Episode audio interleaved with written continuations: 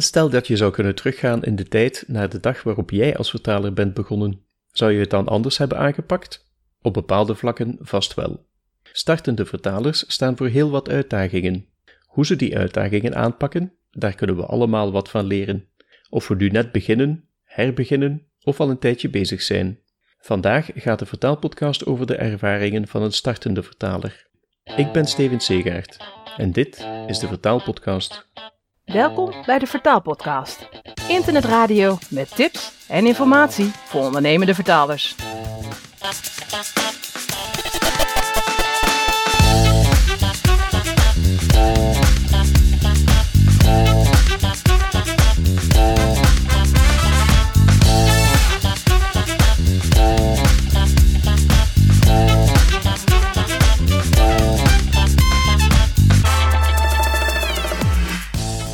We hebben in de vertaalpodcast al heel wat onderwerpen behandeld waar beginnend vertalers ook wel wat aan hebben. Bijvoorbeeld over tarieven, over marketing en over contracten en clausules. Maar ik kan er natuurlijk niet omheen dat ik als vertaler met toch al wat meer ervaring bepaalde zaken al vanzelfsprekend vind en daarmee ook bepaalde dingen uit het oog verlies.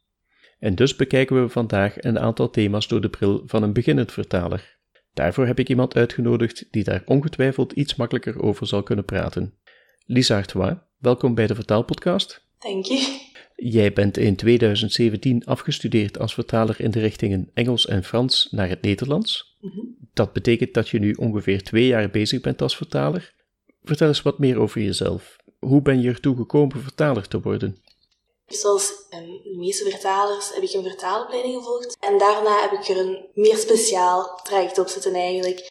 Dus tijdens mijn master had ik de kans om een speciale stage te volgen. Om zelf al een fictief vertaalbureau op te richten met twee andere studenten. En ook al een beetje de markt af te tasten. Hè. Dus zelf al op zoek te gaan naar klanten. Echte opdrachten aan te nemen, ook te factureren en zo. Onder begeleiding van ervaren vertalers. Op dat moment heb ik eigenlijk heel veel geluk gehad dat ik toch al een redelijk ruim netwerk heb kunnen creëren onder vertalers. Die al veel ervaring hadden, die mij ook heel veel hebben kunnen steunen. En tijdens die stage merkte ik eigenlijk van ja, dat vertalen, dat vind ik wel leuk. Dat zelfstandig thuiswerken, dat vind ik ook wel leuk. Dus ik dacht van ja, ik ga dat nog wat verder uittesten. Maar mijn ouders wilden dat ik nog een extra diploma behaalde, de lerarenopleiding. En vermocht het vertalen toch ooit misgaan, en dat ik nog een plan B had. Dat was dan de Ja. redenering. Dan heb ik de lerarenopleiding gedaan, maar ondertussen ben ik al begonnen met vertalen via studentondernemerschap. Dat is een speciaal statuut in de Belgische wetgeving, waarmee ik als student toch al kan ondernemen. Ik heb dan financiële plafonden, dus ik mag niet meer dan, wat was het ongeveer, iets van een 3500 netto verdienen op jaarbasis en zo. Maar ik mocht al ondernemen, ik had een eigen ondernemersnummer, ik kon klanten zoeken en zo. En dat was Ja. eigenlijk ideaal. Op jaar tijd had ik dan een aantal klanten al kunnen opzoeken. Op het moment dat ik dan afstudeerde van de lerarenopleiding, had ik wel al die zekerheid van, kijk, ik heb nu al een handjevol klanten waarmee ik kan Ja. starten. En voor mij was de sprong naar fulltime zelfstandige dan veel kleiner daardoor. En dan ongeveer een jaar en drie maanden geleden ben ik dan fulltime gestart. Mhm.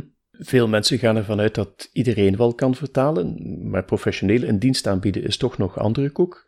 Eh, Wat heeft iemand volgens jou nu nodig om zich, ja, zeg maar, te installeren als zelfstandig vertaler? Wie wil starten met vertalen op zelfstandige basis, moet volgens mij met twee luiken rekening houden. Dus enerzijds heb je die vakkennis nodig, eh, dus kennis van de taal, kennis van het onderwerp. En anderzijds eh, moet je ook wel wat van ondernemen afweten. Dus die vakkennis, ja, dat gaat dan natuurlijk om een diploma. Dat is altijd handig als je dat hebt. Natuurlijk niet verplicht. Hè. Als je ook gewoon al er een redelijk lange carrière op zitten hebt en daarna het vertalersvak ingaat, dat is ook heel goed. Maar dan moet je wel natuurlijk de wil hebben om het vak te leren. Mhm. Heb je ook materiaal nodig, software, onze CAT-tools, MemoQ, Trados en dergelijke eh project management tools, facturatietools, boekhoudtools eventueel ook. En dan de specialisatie is natuurlijk ook altijd heel interessant. Als je dan een onderwerp hebt waar je vanuit jouw eigen interesses mee aan de slag kunt, of omdat je al een andere carrière erop zitten hebt. Mhm. Nu, ik heb daarnet al het verschil tussen diploma of geen diploma aangehaald. De vraag, denk ik, hier in essentie is dan over wie er mag vertalen en wie niet. Mogen ook mensen zonder diploma zich vertaler noemen? Mijn antwoord persoonlijk is hier eigenlijk heel eenvoudig op. Dus een startende vertaler met een diploma heeft inderdaad al heel veel ervaring met vertalen, met de taal, maar die heeft nog niet per se een specialisatie. Geef de starter bijvoorbeeld een vonnis en hij kan daar misschien een heel mooie tekst van maken die grammaticaal perfect correct is, maar hij heeft er misschien niet zoveel van begrepen. Mhm. Maar voor een startende vertaler die voor het al twintig jaar als advocaat heeft gewerkt, beheerst dan misschien de subtiliteiten van de taal niet, maar die weet wel wat er bedoeld wordt in een vonnis. Die gaat dan wel begrijpen wat elk onderdeel in een vonnis betekent, wat het doel is, en wat ook de, misschien de vakspecifieke terminologie is. Dus beide, zowel starter met diploma als starter zonder diploma, hebben zo zijn voor- en nadelen. Ehm, en hier komt dan eigenlijk een heel belangrijk punt volgens mij. Het is op dat moment belangrijk dat je je eigen zwaktes kunt erkennen. Een startende vertaler gaat dan meer moeten investeren in een specialisatie, nog heel veel extra studeren, terwijl een specialist dan meer gaat moeten investeren in zijn taalvaardigheden. Ja. En ik denk, zolang dat je dat beseft, zit je wel goed naar mijn mening. Je moet natuurlijk openstaan voor marketing. Eh, je moet zelf op zoek gaan naar klanten. Dat houdt in dat je dus ook een beetje uit jouw comfortzone gaat moeten treden. Je moet bouwen aan een netwerk, zowel onder vertalers als onder klanten. En natuurlijk, je durft ook te investeren. In het begin hoeft dat zeker niet om investeringen met geld te gaan. Dat mag altijd, maar beginners zijn er altijd een beetje wantrouwig over. Van, oeh, ik heb al niet zoveel geld, dan moet ik daar nog eens zoveel geld gaan insteken. Dat hoeft niet per se. Investeren in jezelf, je klanten, is ook al meer dan genoeg. Je kunt bijvoorbeeld één keer per maand de tijd nemen om jezelf te evalueren. Dat kost geen geld en het helpt je echt enorm om te groeien, je doelen te behalen. Heb je daar eigenlijk allemaal wel tijd voor als beginner? Als je start, dat is dan iets waar de meeste moeite mee hebben eigenlijk van te starten. Ze hebben niet zoveel opdrachten, niet zoveel klanten. Dan beginnen ze al snel te panikeren van oei, ik heb hier zoveel tijd over. Maar eigenlijk is dat geen ongeluk. Je moet dat zien als een kans.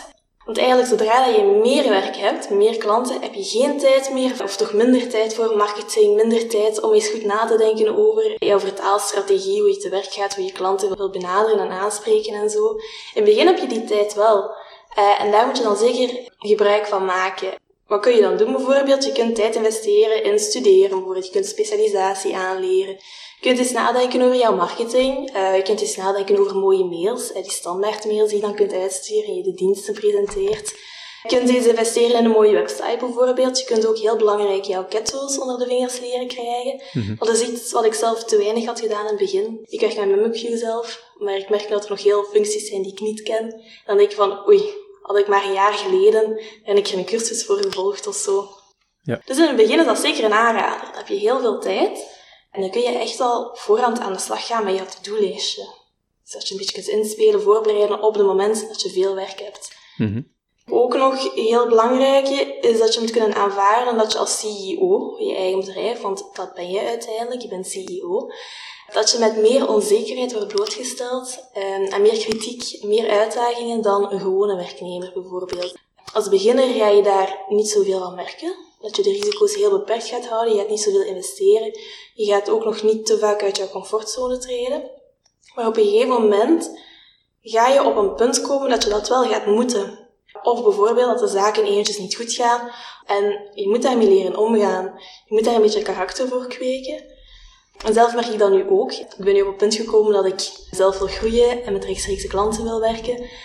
En op dat moment voor mij volstaat het nu niet langer om gewoon thuis veilig achter mijn computer te blijven. Ik moet nu echt beginnen ondernemen, investeren, ook met geld. In het begin en nu nog altijd eigenlijk was dat heel eng voor mij.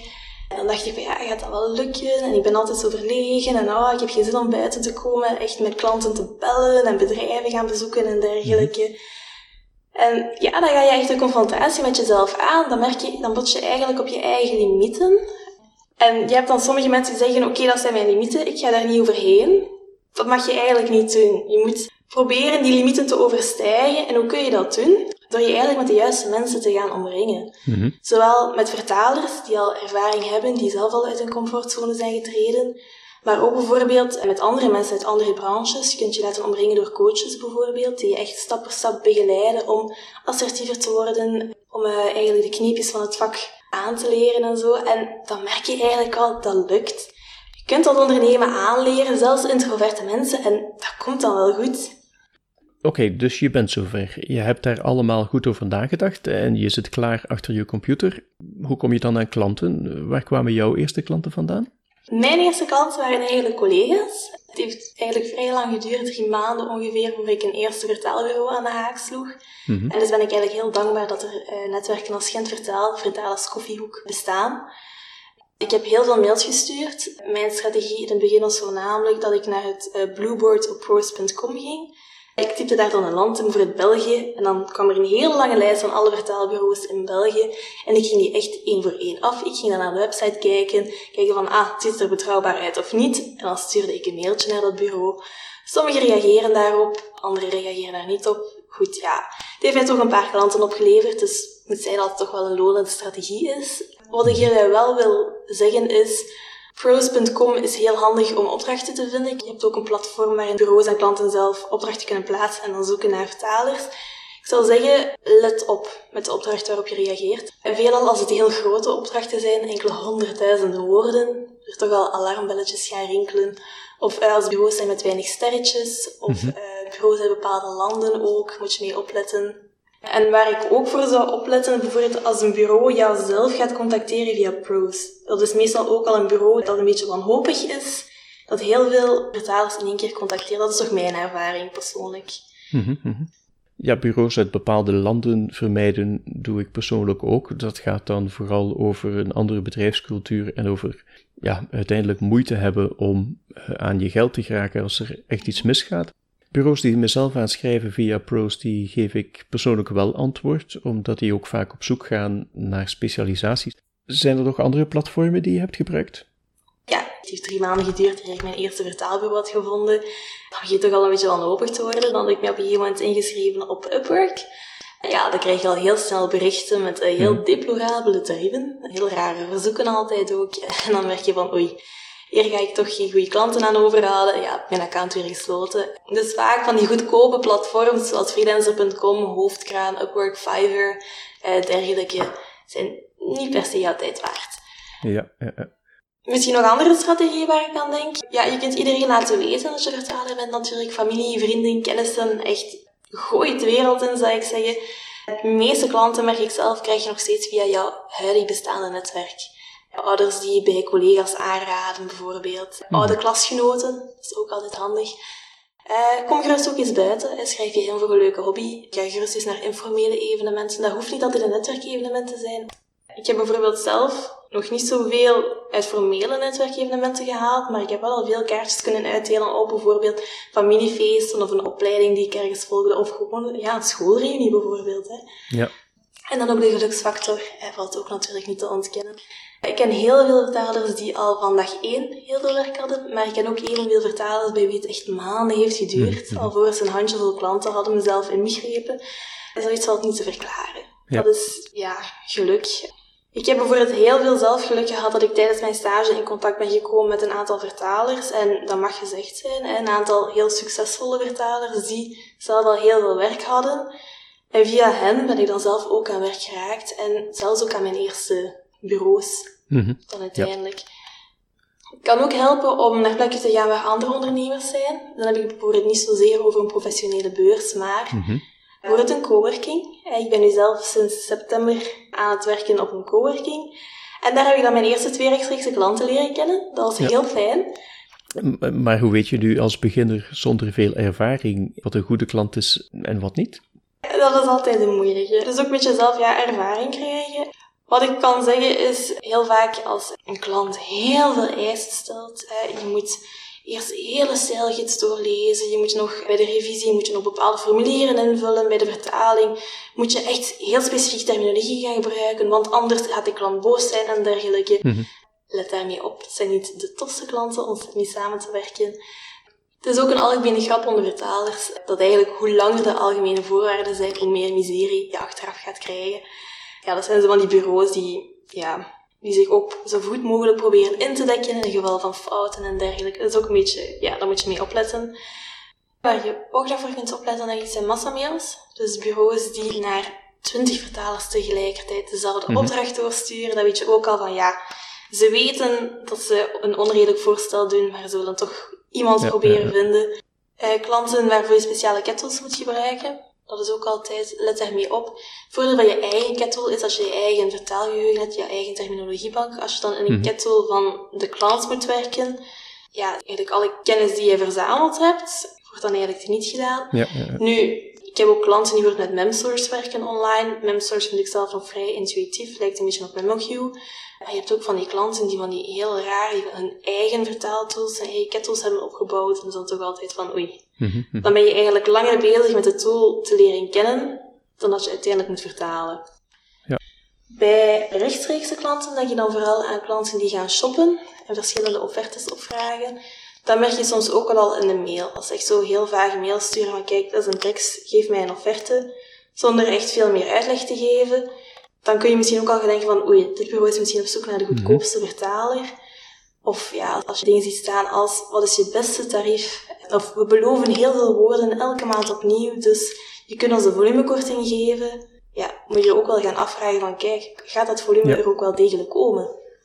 Mhm, mhm. De vraag naar een goed tarief komt daar natuurlijk ook meteen bij kijken. Ik verwijs luisteraars daarvoor graag naar een vorige aflevering van deze podcast, waarin we het uitgebreid over dit onderwerp hebben gehad. De conclusie daar was dat een beetje een normaal tarief anno 2019 rond de 10 eurocent per woord ligt. Maar geldt dat ook voor beginners? Moet je als beginner dan goedkoper werken om dat gebrek aan ervaring te compenseren? Of is dat een foute instelling? Ik zou zelf zeggen 10 cent is heel mooi. Maar ik wil ook benadrukken dat het niet erg is als je uiteindelijk een lager tarief onderhandelt. Mhm. Niet dat ik daarmee lagere tarieven wil goedpraten, maar ik wil graag het taboe eraf halen en dan vooral het schuldgevoel. Ik weet nog heel goed dat het voor mij drie maanden heeft geduurd voor ik mijn eerste bureau vond. Waarom? Omdat ik gewoon elk bureau dat minder dan 10 cent bood weigerde. Maar dat houdt dus ook in dat ik drie maanden zonder iets van inkomen zat, op enkele kleine opdrachten van collega's na. Enkel en alleen omdat ik aan een ideaal vasthield. Dat heeft er eigenlijk ook voor gezorgd dat ik mij heel schuldig voelde toen ik dan toch bezweek aan 8 en zelfs 7 cent eigenlijk. Ja. Maar uiteindelijk wel, ben ik wel heel blij met mijn beslissing. Oké, het is harder werken, verre van ideaal, maar hierdoor had ik tenminste wel één, een inkomen, en twee, ik kon eindelijk ervaring opdoen, ik kon eindelijk teksten vertalen. En dan eigenlijk zijn mijn tarieven automatisch gestegen. Hè. Zodra ik het dan te druk had aan 8 cent, had ik meer ruimte om slecht betalende bureaus te weigeren, kon ik selectiever zijn. Ik kon het me dan eindelijk permitteren om te wachten op dat eerste bureau dat 9 cent zou geven, en dan 10 cent, en nu sinds een Mhm, maand mhm, hè, mhm. ook eindklanten uiteindelijk. Ja. Dus ik wil lage tarieven zeker niet goed praten. Hè. Hoe hoger je kunt beginnen, hoe beter. Maar kleine toegift in het begin, dat kan toch een belangrijke opstap zijn die je carrière aanzienlijk boost dan uiteindelijk. Ja, En als je uiteindelijk in vertrouwt dat die betere tarieven komen, dan komen ze ook echt wel. Mhm, mhm. Dat gezegd zijnde, merk ik natuurlijk ook dat veel afhangt van de manier waarop je verkoopt. En hier gaan starters dan vaak de mist in. In het begin zelf stuur ik vaak mails met ah, ik ben net afgestudeerd en zoek nu vertaalopdrachten. Of ik heb nog niet veel ervaring, maar ik heb wel interesse in bijvoorbeeld toerisme. Of een andere zin die eigenlijk heel duidelijk maakt dat ik nog maar net start. En dat mag je eigenlijk niet doen. Ja. Hier moet je dan een beetje de trucken van de voor gaan toepassen om te verbergen dat je nog maar net gestart bent en moet eigenlijk al gaan doen alsof je super gespecialiseerd bent. Nu, je hoeft daarom niet te gaan liegen in je mail, maar je mag de waarheid natuurlijk altijd wel een beetje gaan verbloemen. Wat kun je bijvoorbeeld doen? Je kunt alle verwijzingen naar je recente afstuderen uit je mail halen, uit je cv. En in plaats van te spreken over een interesse in een onderwerp, kun je spreken over specialisatie bijvoorbeeld. Wat ik wel zou zeggen rond die tarieven, als je bijvoorbeeld werkt met collega's, aarzel ook zeker niet om gedetailleerde feedback te vragen. In ruil bijvoorbeeld voor een iets lagere woordprijs. Hè. Ja. Dus in mijn eerste jaar heb ik regelmatig voor collega's vertaald en die boden me niet altijd 10 cent. Mhm. We zeggen wel van 10 cent is een ideaal tarief, maar als starter, als je werkt voor collega's, die 10 cent dat is niet per se nodig als je daar in ruil heel veel tips voor krijgt en heel veel feedback en heel veel advies. Bijvoorbeeld ik met de collega's bij wie ik samenwerkte, zij lazen altijd mijn teksten na en daarnaast mocht ik hen ook heel veel vragen stellen. Dat is dan zoiets dat je kunt overwegen. Dus misschien geen 10 cent, maar iets minder, maar dan wel heel veel tips, feedback, vragen en dergelijke. Je had het daarnet even over je specialisatie. Maakt het eigenlijk iets uit of je je specialiseert? Of moet je als beginner gewoon zoveel mogelijk dingen vertalen om die broodnodige ervaring op te doen? Het zelf heel belangrijk om als beginner echt eens van alles uit te proberen. Uh, neem bijvoorbeeld mijzelf. Ik droomde ervan om literair vertaler te worden. Maar ik heb nu eindelijk het voorbije half jaar een boek vertaald. En Mhm. ik heb gemerkt dat dat eigenlijk helemaal niet mijn ding is, uiteindelijk. Of omgekeerd, hè, nooit van mijn leven had ik gedacht dat ik juridische teksten zou vertalen, maar kijk nu, ik vind het superleuk. Echt. Ja. Ik probeer eens van alles uit en er kunnen nog echt heel veel verrassingen uit de bus komen daar. Dat gezegd zijnde is het wel een goed idee om toch eens na te denken over een basisspecialisatie die je dan aan je klanten kunt voorleggen. Denk eens na over teksten die je hoogstwaarschijnlijk wel graag wilt vertalen. Bij mij waren dat bijvoorbeeld toeristische teksten. Ik had absoluut geen ervaring op dat moment, maar Mhm. ik stelde me toch voor als een vertaalster die gespecialiseerd was in toerisme. En dat hielp. Ik heb dan een aantal toeristische teksten gekregen. Maar het helpt ook niet altijd. Ook als freelancer heb je collega's, maar die lopen dan natuurlijk niet in je kantoor rond. Hoe kom je als starter nu het beste in contact met andere vertalers, zodat je kennis en ervaring kunt uitwisselen? Een goed beginpunt zou ik zeggen zijn Facebook-fora zoals Gent vertaald onder vertalers koffiehoek. Je kunt daar terecht met heel veel vragen. Je kunt ook mensen daar persoonlijk leren kennen. Je kunt ook informele discussies houden. Echt super aangenaam. Je hebt ook nog andere groepen zoals marketing voor interpreters en translators. Mhm. Things translators never say en dergelijke. Zo, ja, groepen die heel informeel zijn soms, waar heel veel gelachen wordt. Via Gent Vertaald en Vertalers kun je ook deelnemen aan eh, evenementen. Het Gent Vertaald organiseert elke maand een netwerkevenement. Dat je dan met een lekker hapje en drankje je andere collega's eens in het echt kunt leren kennen.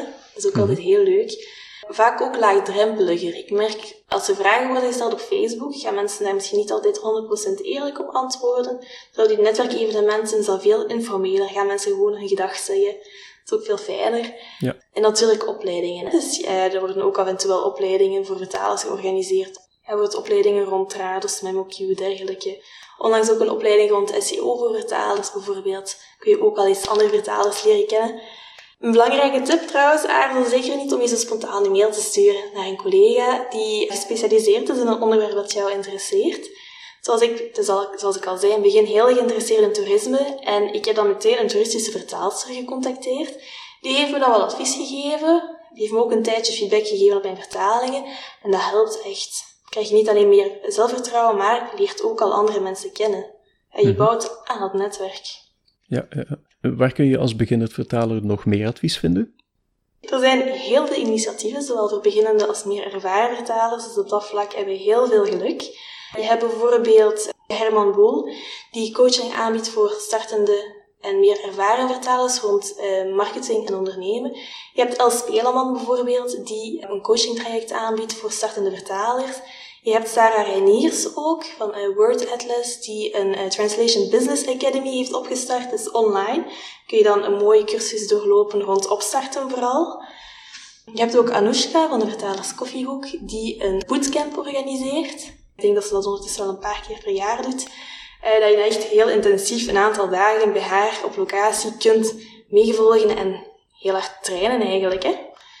Je hebt ook heel veel blogs online, dat is dan in het Engels meestal. Je hebt bijvoorbeeld Marketing Tips for Translators, dat is de bekendste van Tess Whitty. Je hebt de verschillende cursussen van Marta Stelmassak van Want Words. Zij heeft een Business Academy met iets van een 170 lessen die je kunt volgen. Allemaal gratis, heel handig. Je hebt ook een leuke blog van Maeva Everywhere. Dat is een vrij recente blog, dus je vindt nog niet zo heel blogartikels, maar één specifieke blog heeft daar mijn aandacht getrokken. Dat is een blog waarin zij schablonen deelt voor mails die je naar klanten stuurt. En dan vind je een volledige blog met vijf schablonen. Kun je eigenlijk gewoon makkelijk overnemen, een beetje personaliseren. Super handig. Je hebt ook de Facebookgroep Marketing for Translators and Interpreters van Nicole Keunig. Elke vrijdag organiseert ze een koffieuurtje, waarin je dan rond een specifiek thema gaat werken, ook in overleg met andere vertalers, dus dan meer opleidingsgericht.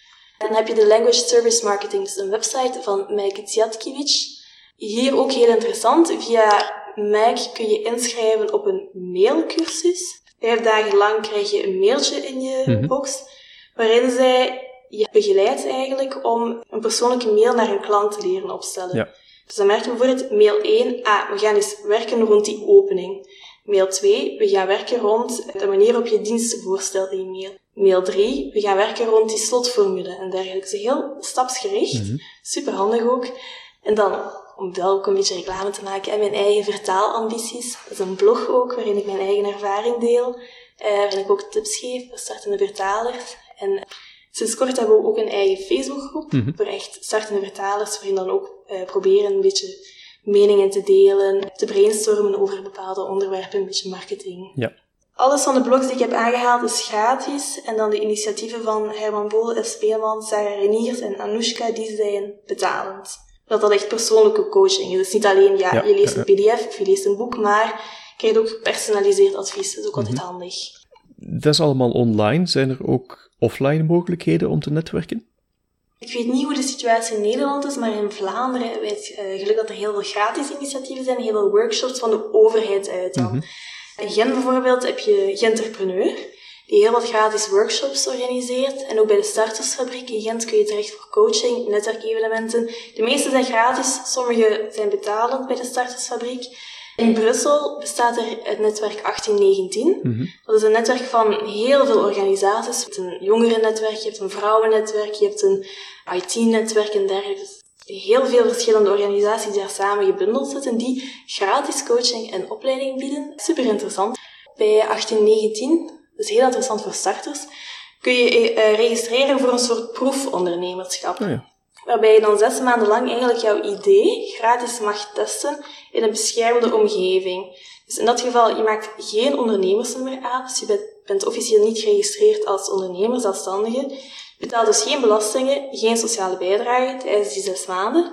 Maar je kunt wel al ondernemen, Mhm. je kunt klanten zoeken, je kunt factureren en dergelijke, via een speciale juridische constructie die de Brusselse overheid heeft gecreëerd. Dat is ideaal voor mensen die eens willen testen of het ondernemerschap voor hen is, maar geen risico's willen nemen en ook geen geld willen verliezen. En Bijvoorbeeld Ja. die sociale bijdrage, als je fulltime start, is toch wel 800 euro per kwartaal dat je moet betalen. Dat is niet niets. Bovendien word je bij dat proefondernemerschap intensief begeleid, dus je moet zes maanden lang naar een eh, soort van coworking gaan, waarin je intensief begeleid wordt door coaches. Eh, je bent ook omringd door andere ondernemers. Nog een ander voordeel aan het proefondernemerschap is dat je voor de mensen die een werkloosheidsuitkering hebben, je blijft je werkloosheidskering houden. Mhm, Ja. En ja, er is daar eigenlijk totaal geen risico aan verbonden. En dan na die zes maanden kun je oordelen van, kijk, is het iets voor mij? Is het niet voor mij? Mhm. En dan kun je officieel starten als zelfstandige. En al het geld dat je dan in zes maanden gefactureerd hebt, kun je dan na die zes maanden opvragen. Ja. Nu, ik zelf ken Gent en Brussel goed, andere steden minder, maar ik ben er zeker van dat je overal in België en Nederland dergelijke ondernemersinitiatieven terugvindt. Mhm, ja. Ik Antwerpen, Amsterdam, Rotterdam, Den Haag. Ik ben er zeker van dat er overal wel dergelijke netwerken bestaan. Mooie tips, bedankt Lisa. Als je de luisteraars nog één belangrijk punt zou kunnen meegeven, wat zou dat dan zijn? Ik zou zeggen, groei op je eigen tempo. Eh, laat je echt niet doen door anderen. Zelf heb ik ondervonden dat ik door alle berichten op Facebook eh, bepaalde waarden heb aangenomen die uiteindelijk niet blijken te passen bij mijn persoonlijkheid of bij Mhm. mijn situatie. Ik heb eerder al gepraat over dat schuldgevoel bij die 8 cent, eh, maar ik heb me ook vaak slecht gevoeld over andere dingen.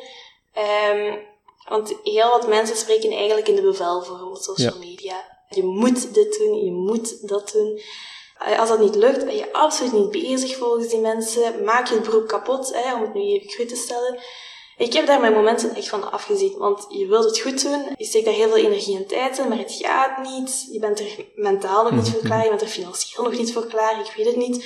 En ja, dan voel je op een gegeven moment een beetje verloren, radeloos. Dus wil ik even benadrukken dat advies van anderen is heel waardevol. Ja. Echt waar. Maar vergeet niet dat jouw situatie, jouw persoonlijkheid uniek zijn. Wat werkt voor anderen, werkt niet misschien voor jou.